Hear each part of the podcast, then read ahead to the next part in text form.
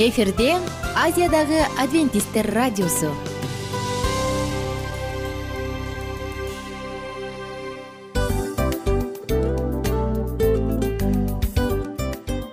Достор салют.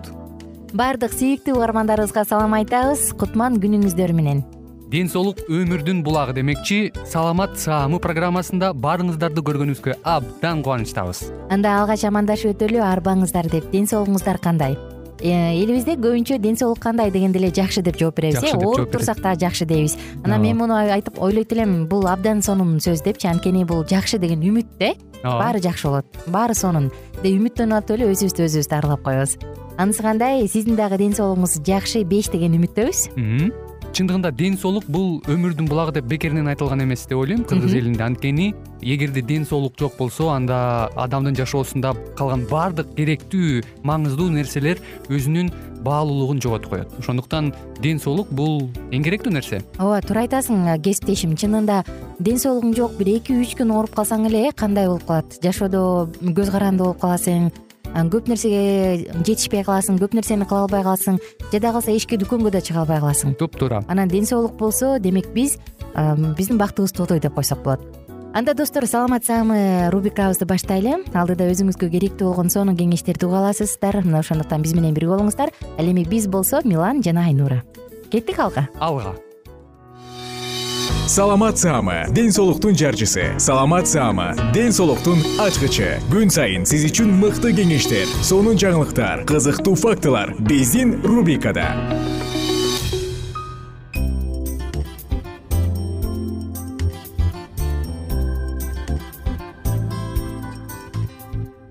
Кутман күнүңүздөр менен кадырлуу замандаштар биздин сүйүктүү угармандарыбыз жалпыңыздар менен амандашып саламдашып саламат саама рубрикасын баштадык аты жөнүм айнура миназарова жана бул рубрикада бүгүн биз чылым чегүү тууралуу сөз кылмакчыбыз. Эгерде кимде кимдин ушундай чылым чеккен тамекиге көз каранды болгон никотинге көз каранды болгон адаты бар болсо жаман адаты жана андан арылууну каалап жүрсөңүз анын зыян экенин билсеңиз бирок арыла албай жатсаңыз анда бүгүн сизге никотинден детоксикация деп аталган соктун сонун рецепти менен бөлүшөбүз. Алгач келиңиздер тамеки жөнүндө сөз кыла кетсек. Мисалы азыркы күндө э, дүкөндөгү текчелерде тамеки сатылган коюлган текчелер бар го. Ошол жакта мен ушул тамекинин сыртындагы сүрөттөрдү көрүп эле аябай корком да. Чындыгында коркунучтуу э ашказан рагы э, ушундай кекиртек рагы дем алуучу органдардын рак оорусуна алып келет дегендер бар тукумсуздукка алып келет деген айтор карап отурсаң толтура сүрөттөр менен тартылып турат бирок ошого карабастан көздү жумуп туруп эле канча бир сомду аябай эле алып барат дагы анан сатып алат. Жакында бир ата айтып калды күнүнө жетимиш сомдун тамекисин тартам бул эң арзаны. Анан кемпирим урушат дейт. Алган пенсияң эки миң тарткан тамекиң күнүнө жүз кырк сомдон эки пачкадан тартасың депчи анан анысы кандай бул албетте. Үй бүлөнүн материалдык чөнтөгүнө материалдык каражатына дагы сокку урат. Ошондуктан достор эгерде мындай адат бар болсо анда муну алдын алган эле жакшы тамекинин зыяны жөнүндө сөз кылсак тамеки негизи жыйырма беш түрлүү оорунун келип чыгышына себепкер боло алат. Анын коркунучтуулугу терс жактыруу дароо эле байкалбастан бир нече жылда барып акырындык менен байкала тургандыгында. Маалыматка караганда кыргызстанда эркектердин алтымыш ал эми аялдардын отуз пайызы тамеки тартат. Бул албетте баягы катталган көзгө урунгандар э? Тилекке каршы азыркы учурда өспүрүмдөрдүн арасында дагы жок эмес кимдир бирөө фигурамды кармайм деп чегип келишет бирок өзүнүн ден соолугун өлтүрүп атканын унутуп коюшат.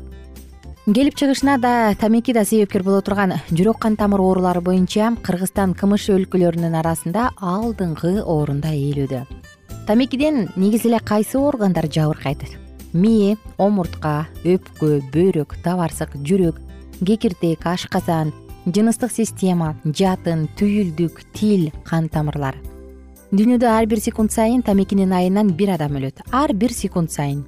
Эки миң жыйырманчы жылдан баштап ар жылда тамекиден он миллион адамдын өлүмү күтүлөт деген маалымат бар. Караңызчы. бир миң тогуз жүз токсон сегизинчи жылды алсак тамекиден дүйнөдө төрт миллион адам өлсө эки миң сегизинчи жылы кырк тогуз миллион адам өлгөн. Тамеки тартуучулардын он пайызы рак оорусунан көз жумат тамекиден улам организмдин уланысыбы эрте картаят. Эгерде зыяндуу жактарын дагы карасак бойдо бар кезде тамеки тартуу балдардын салмагына жетпей же ара төрөлүп же өлүп калышына себепкер болот. Жүрөк кан тамыр ооруларынын келип чыгышын шарттайт. Мисалы кан басым көтөрүлөт жүрөк кеңейет иштөөсү бузулат. Ошондой эле тамеки тартуучулар өзү курактуулардан он жыйырма жыл мурун эрте көз жумушат. Коңуруктуу сөөктө морттукту пайда кылат сөөк морт болсо адам жыгылса эле бир сөөгүнөн жаракка кетип же сынып калышы мүмкүн. Ошондой эле беттин терисине деги эле денеге бырыш эрте түшкөндүктөн адам өз курагынан эрте көрүнөт. Бул өзгөчө айымдар үчүн өтө маанилүү э ошондуктан. Тамеки төмөнкү органдарды рак оорусуна алып келет. Бул өпкө колко кекиртек ооз тил уйку бези табарсык бөйрөк. Тамекинин түтүнүндөгү абдан көп сандагы сутектин кычкылы өпкөнүн рагына жеткизет. Сутектин перекисинен улам рецептор иштешинен жаңылат дагы клеткаларга жаңыланууга буйрук берет. Клеткалар чексиз бөлүнө баштайт дагы оору келип чыгат. Тамекинин түтүнүндө он эки миңге жакын түрдүү заттар жана химиялык кошулмалар бар. Алардын жүз токсон алтысы уулуу ал эми он төртү наркотикалык. Мына ошондуктан достор э, тамеки чегүү бул зыян деп айткан бир иш бирок эмнеге зыян экенин билип алуу бул такыр башка кеп адам тамекини таштай алыш үчүн биз никотинден детоксикация согунун ширеси менен рецеби менен бөлүшөбүз дебедикпи? Адам тамекини таштай алыш үчүн ал биринчи кезекте көп суу ичиш керек. Экинчи кезекте белгилүү бир витаминдердин тобун жеш керек. Мисалы суу никотинди организмден зара менен кошо чыгарганга жардам берет. Никотин бул табактын алкалоиди аны жууп чыгарса болот. Бул эмне менен? Албетте суу менен. Кийинки кезекте с витамини с витамини организмде калган никотиндин калгандарын баарын нейтралдаштырат. Жана албетте никотинге каршы мыкты ууга каршы каражат. А витамини а витамини тамеки бузуп койгон дем алуучу органдардын былжырларынын баардыгын кайра калыбына келгенге жардам берет. Б витамини ал адамдын тынчсызданып жаткан абалынан чыгарып адамдын эрктүү болушун күчүнүн эрктүүлүгүн жакшы жардам мындай кармаганга жардам берет. Ошондуктан эгерде сиз никотинден детоксикация болом деп турсаңыз анда сөзсүз түрдө с витаминин лаймды а витамини сабизди б витамини өндүрүлгөн буудайда бар. Ушулардын баардыгын жакшынакай нейтралдаштырып туруп бирдей пропорцияда кошуп жесеңиз болот. Сринакхарин винтат таиланддагы дал ушундай университеттин окумуштуулары мындай дейт. Дал ушул азыктар өзгөчө лайм лимон тамеки чегүү каалоосун басаңдатат дейт караңыздарчы күнүнө эгерде биз айта турган ширени үч стакандан үч стаканга чейин иче турган болсоңуз анда сиз мындай жаман адаттан оңоюраак кутуласыз. Андан тышкары лимонду лаймды канчалык көбүрөөк жей турган болсоңуз тамеки чегүүдү каалоосун ошончолук басаңдатаары дагы белгиленген жана далилденген. Ингредиенттер. Никотинден детоксикацияны согунун ингредиенти. Сизге эки лайм керек орточо өлчөмдө. Мүмкүн аны лимон менен алмаштырып коесуз төрт сабиз орточо өлчөмдө. Бир аш кашык өндүрүлгөн буудай. Бир аш кашык меласа аны панела менен алмаштырып койсоңуз болот. Же клеондун сиропу менен алмаштырсаңыз болот. Жана эки мята жалбырагы. Эми лаймды же лимонду сыртынан ачыңыз дагы ал баягы ачуу болуп калбаш үчүн сыртын ачып толугу менен ачып салыңыз. Лаймды лимонду же жана сабизди экөөнү соковыжималкадан өткөрүңүз. Анан ага өндүрүлгөн буудайды меласаны кошуп жакшылап аралаштырыңыз жана мята жалбырагын кошуп коюңуз. Болду сонун сок даяр. Бул сокту күнүнө үч стаканга чейин ичүү менен бирге сиз жаман адаттан оңой кутула аласыз. Коштошобуз сиздер менен чылым чегүү сизге гана эмес жакындарыңызга дагы зыян. Ошондуктан ден соолугуңузду сактаңыз жана баалаңыз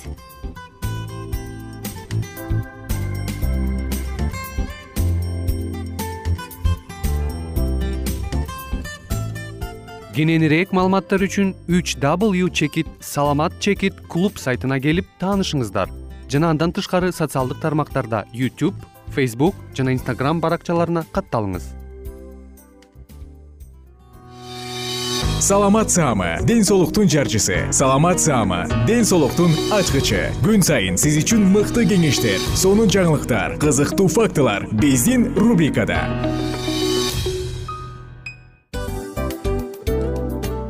салам достор.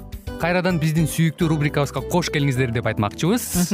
Баардык замандаштарыбызга арбаңыздар деп саламыбызды айтабыз. Улуу ушундай бир э, урматтаган учурашуу менен анан дил маек радио баракчабызга чакырабыз. Негизи дил маек биздин рубрикабызда эмне жөнүндө кеп кылабыз бул дил маектин мааниси эмнеде рубрикабыз менен кичине тааныштырып кетсеңиз. Сөзсүз түрдө тааныштыра кетейин. Кесиптешим суранычы боюнча бул учурда бул радио баракчада биз ар тарап кесип ээлеринен сонун кеңештерди алабыз сүйлөшөбүз сырдашабыз. Аталарыбыздын эжелерибиздин апаларыбыздын кеңештерин угабыз айтор.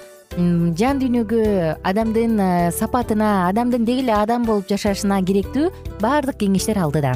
Негизи э, дил маек дегенде баягы эки адамдын ортосундагы сырдашуу кенен сүйлөшүү. Негизи эле биз адамдар бири бирибиз менен бир жерге жай жерге отуруп алып өзүнчө тынч э, жашоо жөнүндө өмүрүбүздө эмне болуп атканын бөлүшкөнү жакшы көрөбүз э адамдар. Ооба туура айтасың анан мындай учурга кээде убакыт да жетпей келет э. Же болбосо сырыңды кайгыңды муңуңду кубанычыңды айткың келет а адамга ишенбешиң мүмкүн. Ооба. А бул радио баракча угармандарыбыздын чыныгы досу анткени бизден алган кеңеш сиздин жашооңузга чоң жардам берет. Ал эми сиздин бизге айта турган сөзүңүз ортодо гана сыр бойдон калат. Ошондуктан биздин дил маек рубрикабызга дагы бир жолу кош келиңиздер. Жана биз даярдаган маалыматтарга даяр болуңуздар. Айнура жана милан сиздер менен бирге алдыга кеттик ар түрдүү ардактуу кесип ээлеринен алтын сөздөр жүрөк ачышкан сыр чачышкан сонун маек. Дил маек рубрикасында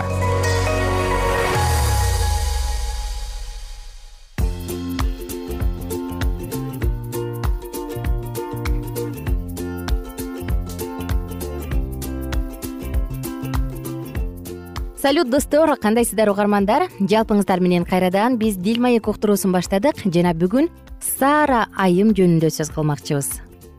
Тыңдап жатканыңыз аял жубай жана эне деп аталган сонун китеп. Бул китептин алкагында биз тарыхта жашоодо болуп өткөн чыныгы айымдар тууралуу сөз кылабыз. Ишеним бул бизди көзгө көрүнбөгөн бирок чынында эле бар рухий дүйнөнү таанып билүүгө жөндөмдүү кылган алтынчы сезим ошол падышалыкка өткөнүбүздө кудай менен түздөн түз мамилелеше алабыз. Освальд зандерс. Сара татыктуу мырзайым. Теңир мамрей деген эмен токойундун жанында ыбрайымга келди. Ал күн ысыкта чатырдын кире беришинде отурган. Теңир өзү айтканындай сарага назарын салып ага айткан сөзүдү аткарды. Сара төрөбөс болгонуна жашы өтүп калганына карабай ишеними аркылуу кош бойлуу болууга кудайдан күч алган. Анткени убада берген кудайдын ишенимдүү экенин билген. Ошолордун бири сара ыбрайымды кожоюнум деп ага баш ийген. Эгерде силер жакшы иш кылып жатсаңар анда эч бир коркунучтан коркпостон саранын кыздарысыңар хеброн. Машаяк туулгандан болжол менен эки миң жыл мурун. Сара күлүп жатат. Бирок көңүлү куунак болгон үчүн эмес уккан сөздөрүнө ишенбегендиктен күлүп жатат. Сексен тогуз жаштагы кемпир да бала төрөйбү? Эркек балабы? Андай болушу мүмкүн эмес. Кийөөсү экөөнүн тең карылыгы жетип калды. Балалуу болчу курактан эбаага өтүп кетишкен. Перзенттүү болууну көп жылдар бою күтүшкөн бирок күтүүсүнүн акыбети кайткан эмес. Алгач алар кудай өзү бала берет деп бекем ишенишкен. Бирок чейрек кылым өтсө да күткөндөрү орундалбай калды. Сааранын өткөн өмүрү көз алдына тартылды. Алар каздимдердин ур шаарында месопотамиянын түштүгүндө ефрат жана тигр дарыяларынын ортосунда жайгашкан маданий борбордо бай соода шаарында жашашчу. Ал учурда ур мурдагыдай атак даңкка ээ болбой калганы менен али да болсо маанилүү шаар эсептелген. Анда атактуу кол өнөрчүлөр жашашчу алар мисирликтерден кийинки эле орундагы өнөрчүлөр болгон. Портко келип токтогон кемелер индиядан ырак чыгыштан эгинге товар алмашып алып келишчү. Шаардын тургундарынын көбү бай болгондуктан чоң үйлөрү боло турган. Тууган уруктары достору менен бирге ыбрайым да саара да жакшы жашашчу. Анан алардын жашоосу бир сааттын ичинде түп тамырынан бери өзгөрдү. Кудай ыбрайымга келди бул өтө таасирдүү укмуштуудай окуя эле. Ошондуктан ыбрайым менен анын ата бабалары ыйык туткан кудайлар эмес. Тирүү кудай өзү сүйлөшкөндүгүнөн эч күмөн саноого болбойт. Кудай ага мекенин тууган уругун калтырып өзү көрсөтө турган өлкөгө барууну буйруду. Кудай ага мен сенден улуу эл чыгарам. Сага батамды берип атыңды даңазалайм. Сен аркылуу башкалар бата алышат сага бата бергенге мен батамды берем сени каргаганды мен каргайм. Жер жүзүндөгү бүт элдер сен аркылуу бата алышат деп убада берди. Ыбрайым ошол замат макул болду. Сара да күйөөсүнүн чечимине эч кыйылбастан моюн сунду. Ошентип алар жолго чыгышты. Ыңгайлуу шарттарга көнүп калышкан бул шаардыктар көчмөндөргө айланышты. Көпчүлүк аялдар сыяктуу эле сара үчүн да үйүн туугандарын таштап белгисиз жака бет алуу оңойго турган жок. Бирок ал кудайга ишенип күйөөсүнүн тилин алып кете берди. Узакка созулган оор саякат болду. Акыры алар урдун түндүгүнөн миң километр алыстыкта орун алган харанга азыркы турциянын түштүгүнө келип жетишти. Алар ошол жерге токтошту жашоо акырындык менен өз нугуна түшө баштады чынында урдагыдай ыңгайлуу болбогону менен оор саякат учурундагыга караганда ал да канча жакшы эле. Түштүк батышка жетүү үчүн кайрадан жолго чыгышканда алардын атасы терах каза болуп калды. Ыбрайым менен саранын аталары бир энеси башка болчу. Ал учурда жакшы жубай табуу абдан кыйын болгондуктан жубайды жакын туугандардын арасынан издөөгө туура келчү. Атасынан ажырап харандагы тууган уруктарынан алыс калган алар үчүн жашоо ого бетер кооптуу боло баштады. Ыбрайымдын бир тууганынын уулу лот гана алар менен чогуу жөнөгөн. Алар баарынан ажырашты. Бирок жакшы өтүп калганына карабастан бул учурда ыбрайым жетимиш беште сара болсо алтымыш беште болчу. Алардын баларлуу болорун жөнүндөгү кудайдын убадасы жана бири бирин урматтоосу менен сүйүүсү өзгөргөн жок ыбрайым сыяктуу эле сара да мүнөзү калыптанган күчтүү инсан эле. Ошондой болсо да ал баардык учурда күйөөсүнүн айтканына көнүп анын тилин алууга аракет кылчу. Колунда кыйла көп байлыгы да болгон. Бирок күйөөсүнө өз эрки менен баш ийген. Анын күйөөсүнө карата мындай мамилеси кудай менен болгон мамилеси аркылуу аныкталат. Кудайга үмүттөнүү сараны ишенимдүү адам кылып тарбиялады ошентип ал жашоодо солк этпеген бекем позицияны ээлеп башкалар үлгү ала тургандай жубай болду. Ыбрайым аны урматтачу. Анткени сара күйөөсүнүн тилин алып аны баалай турган. Ал аялынын кеңештерин угуп аны сүйүп урматтачу. Алар бири бирине ишенимдүү дос эле. Өздөрүнүн баардык иштерин кеңешип чечишчү. Алардын жүрөктөрү кудайга жана бири бирине ачык болчу өздөрүнүн рухий жашоосун биргелешип байытып бекемдеше турган. Баардык ишенгендердин атасы жана анын жубайы өздөрүнүн жубайлык жашоосу аркылуу машаяктын жана анын келечектеги жыйынынын прообразын көрсөтүп жаткандардын өздөрү да билишкен жок. Кадырлуу замандаш ардактуу дос мынакей бүгүн сиздер менен дагы биз сара апа тууралуу сонун маалыматтарды окуп өттүк. Саранын келечеги кандай болгон ал белгисиз жакка бет алып кетип бара жатат. Убадаланган уулду болду беле же жокпу. Элестетиңиз ал ушундай ушундай көчмөн болуп жолго чыкканда алтымыш беш жашта болчу экен. Азыр алтымыш беш жаштагы апаны элестетиңиз дагы. Эми ал уулду болдубу же жокпу? Уландысын кийинки уктуруудан угуңуз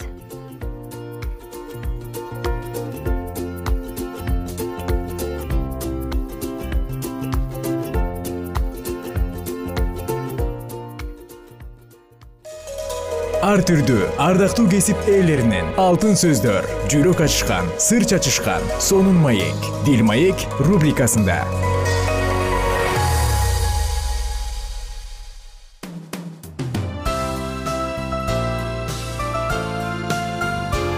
Эфирде азиядагы адвентисттер радиосу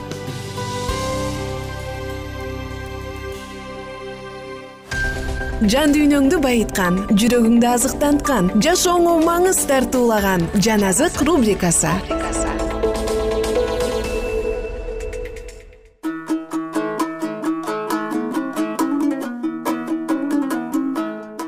Саламатсыздарбы биздин досторубуз? Угармандар жалпыңыздар менен кайрадан жан азык уктуруусундабыз. Жана бүгүн сиздер менен бирге жаназык уктуруусунда элчилердин иштери китебин окууну андан ары улантабыз бир аз эске сала кетсек мурунку уктурууда биз степанды кантип дашбаранга алып салгандыгын анан ал чөгөлөп теңир бул күнөөнү алардын күнөөсү катары эсептебей деп жан бергендиги жөнүндө окуганбыз. Бүгүн андан ары улантабыз.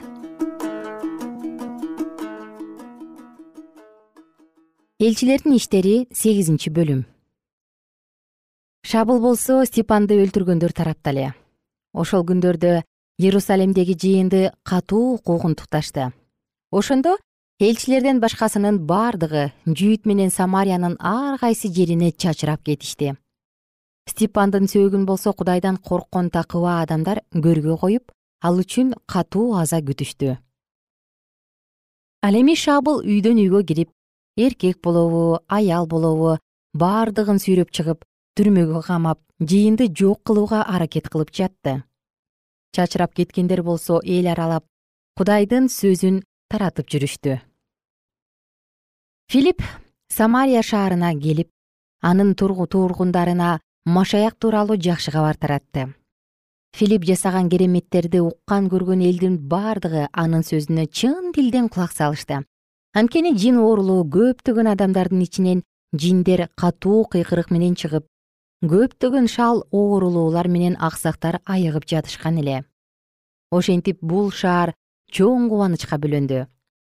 Ушул шаарда буга чейин сыйкырчылык кылып самария элин таң калтырган. Өзүн бир улуу адам кылып көрсөткөн шыман деген бир киши бар эле. Бул кишиде кудайдын улуу кудурети бар деп элдин бардыгы кичинесинен чоңуна чейин ага кулак салышчу.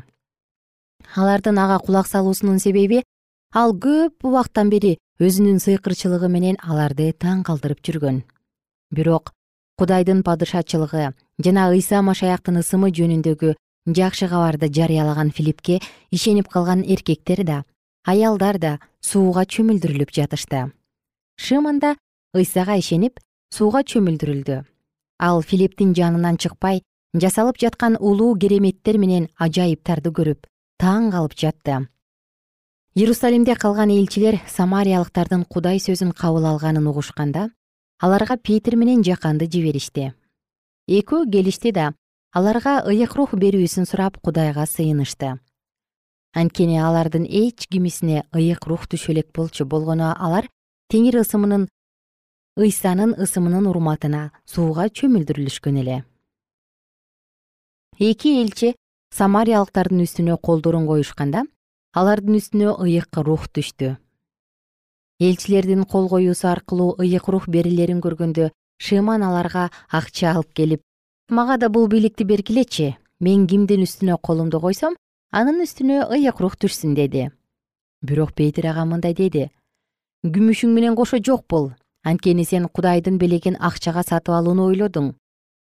Бул иште сенин тиешең да үлүшүң да жок.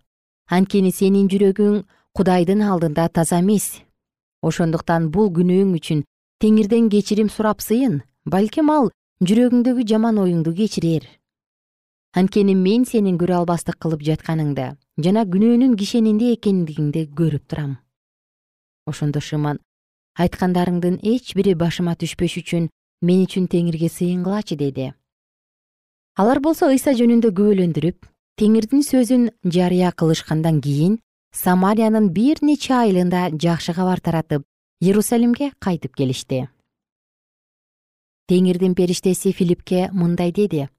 Тур түштүккө иерусалимден азаны карай кеткен ээн жолго бар ал туруп ошол жакка жөнөдү. Кудайга табыныш үчүн иерусалимге келген эфиопиялык бир адам үйүнө кайтып бара жаткан эле. Бул эбнух эфиопиялыктардын аял падышасы кандакиянын жогорку даражалуу төрөсү анын казына иштерин башкаруучуларынын башчысы болду. Ал адам өзүнүн арабасында ышая пайгамбардын китебин окуп бара жаткан. Рух филиппке мындай деди. Жакын барып бул арабага катарлашпас филипп жакын барды да аны ышая пайгамбардын китебин окуп жаткандыгын угуп андан окуганыңды түшүндүрүп жатасың түшүнүп жатасыңбы деп сурады мага бирөө түшүндүрүп бербесе кантип түшүнмөк элем деди ал. Анан ал филипптен арабага түшүп өзүнүн жанына олтуруусун өтүндү. Ал ыйык жазуудан бул жерде окуган эле. Ал союлуш үчүн жетеленип келген козу сыяктуу кыркмачынын алдында үнсүз жаткан кой сыяктуу ооз ачпайт. Ал кемсинтилип адилет соттолуу укугунан ажыратылды. Бирок анын тегин ким айтып бере алат?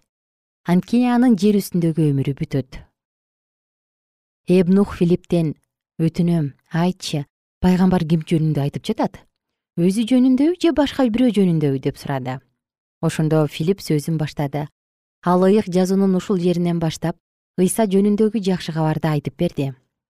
Анан алар жолдо бара жатып бир сууга келишти. Ошондо эбнух мына суу менин сууга чөмүлдүрүлүүмө кандай тоскоолдук бар деди. Филипп болсо ага эгерде бүт жүрөгүңдөн ишенсең анда чөмүлдүрүлсөң болот деди ыйса машаяк кудайдын уулу экендигине ишенем деди ал. Анан ал арабаны токтотууга буйрук берди. Ошентип филипп менен эбнух сууга киришти. Филипп аны сууга чөмүлдүрдү. Алар суудан чыгышканда эбнухтун үстүнө ыйык рух түштү. Филиппти болсо теңирдин периштеси алып кетти. Ошондон кийин эбнух аны көргөн жок ал кубанган бойдон өз жолун улантып кете берди. Филипп болсо азотто болуп калды. Кейсарияга жеткенче бардык шаарларды аралап жакшы кабар таратып жүрүп отурду.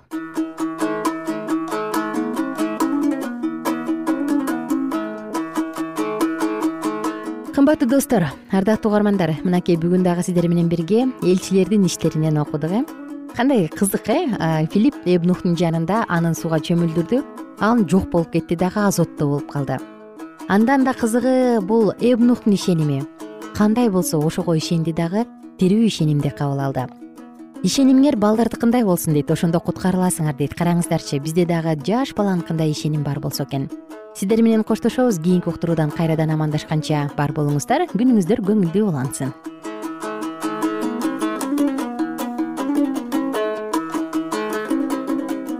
эгер сиздерде суроолор болсо же көбүрөөк маалымат билем десеңиз анда биздин whatsapp номерибизге жазыңыз. Плюс бир үч жүз бир жети жүз алтымыш алтымыш жетимиш. Кайрадан плюс бир үч жүз бир жети жүз алтымыш алтымыш жетимиш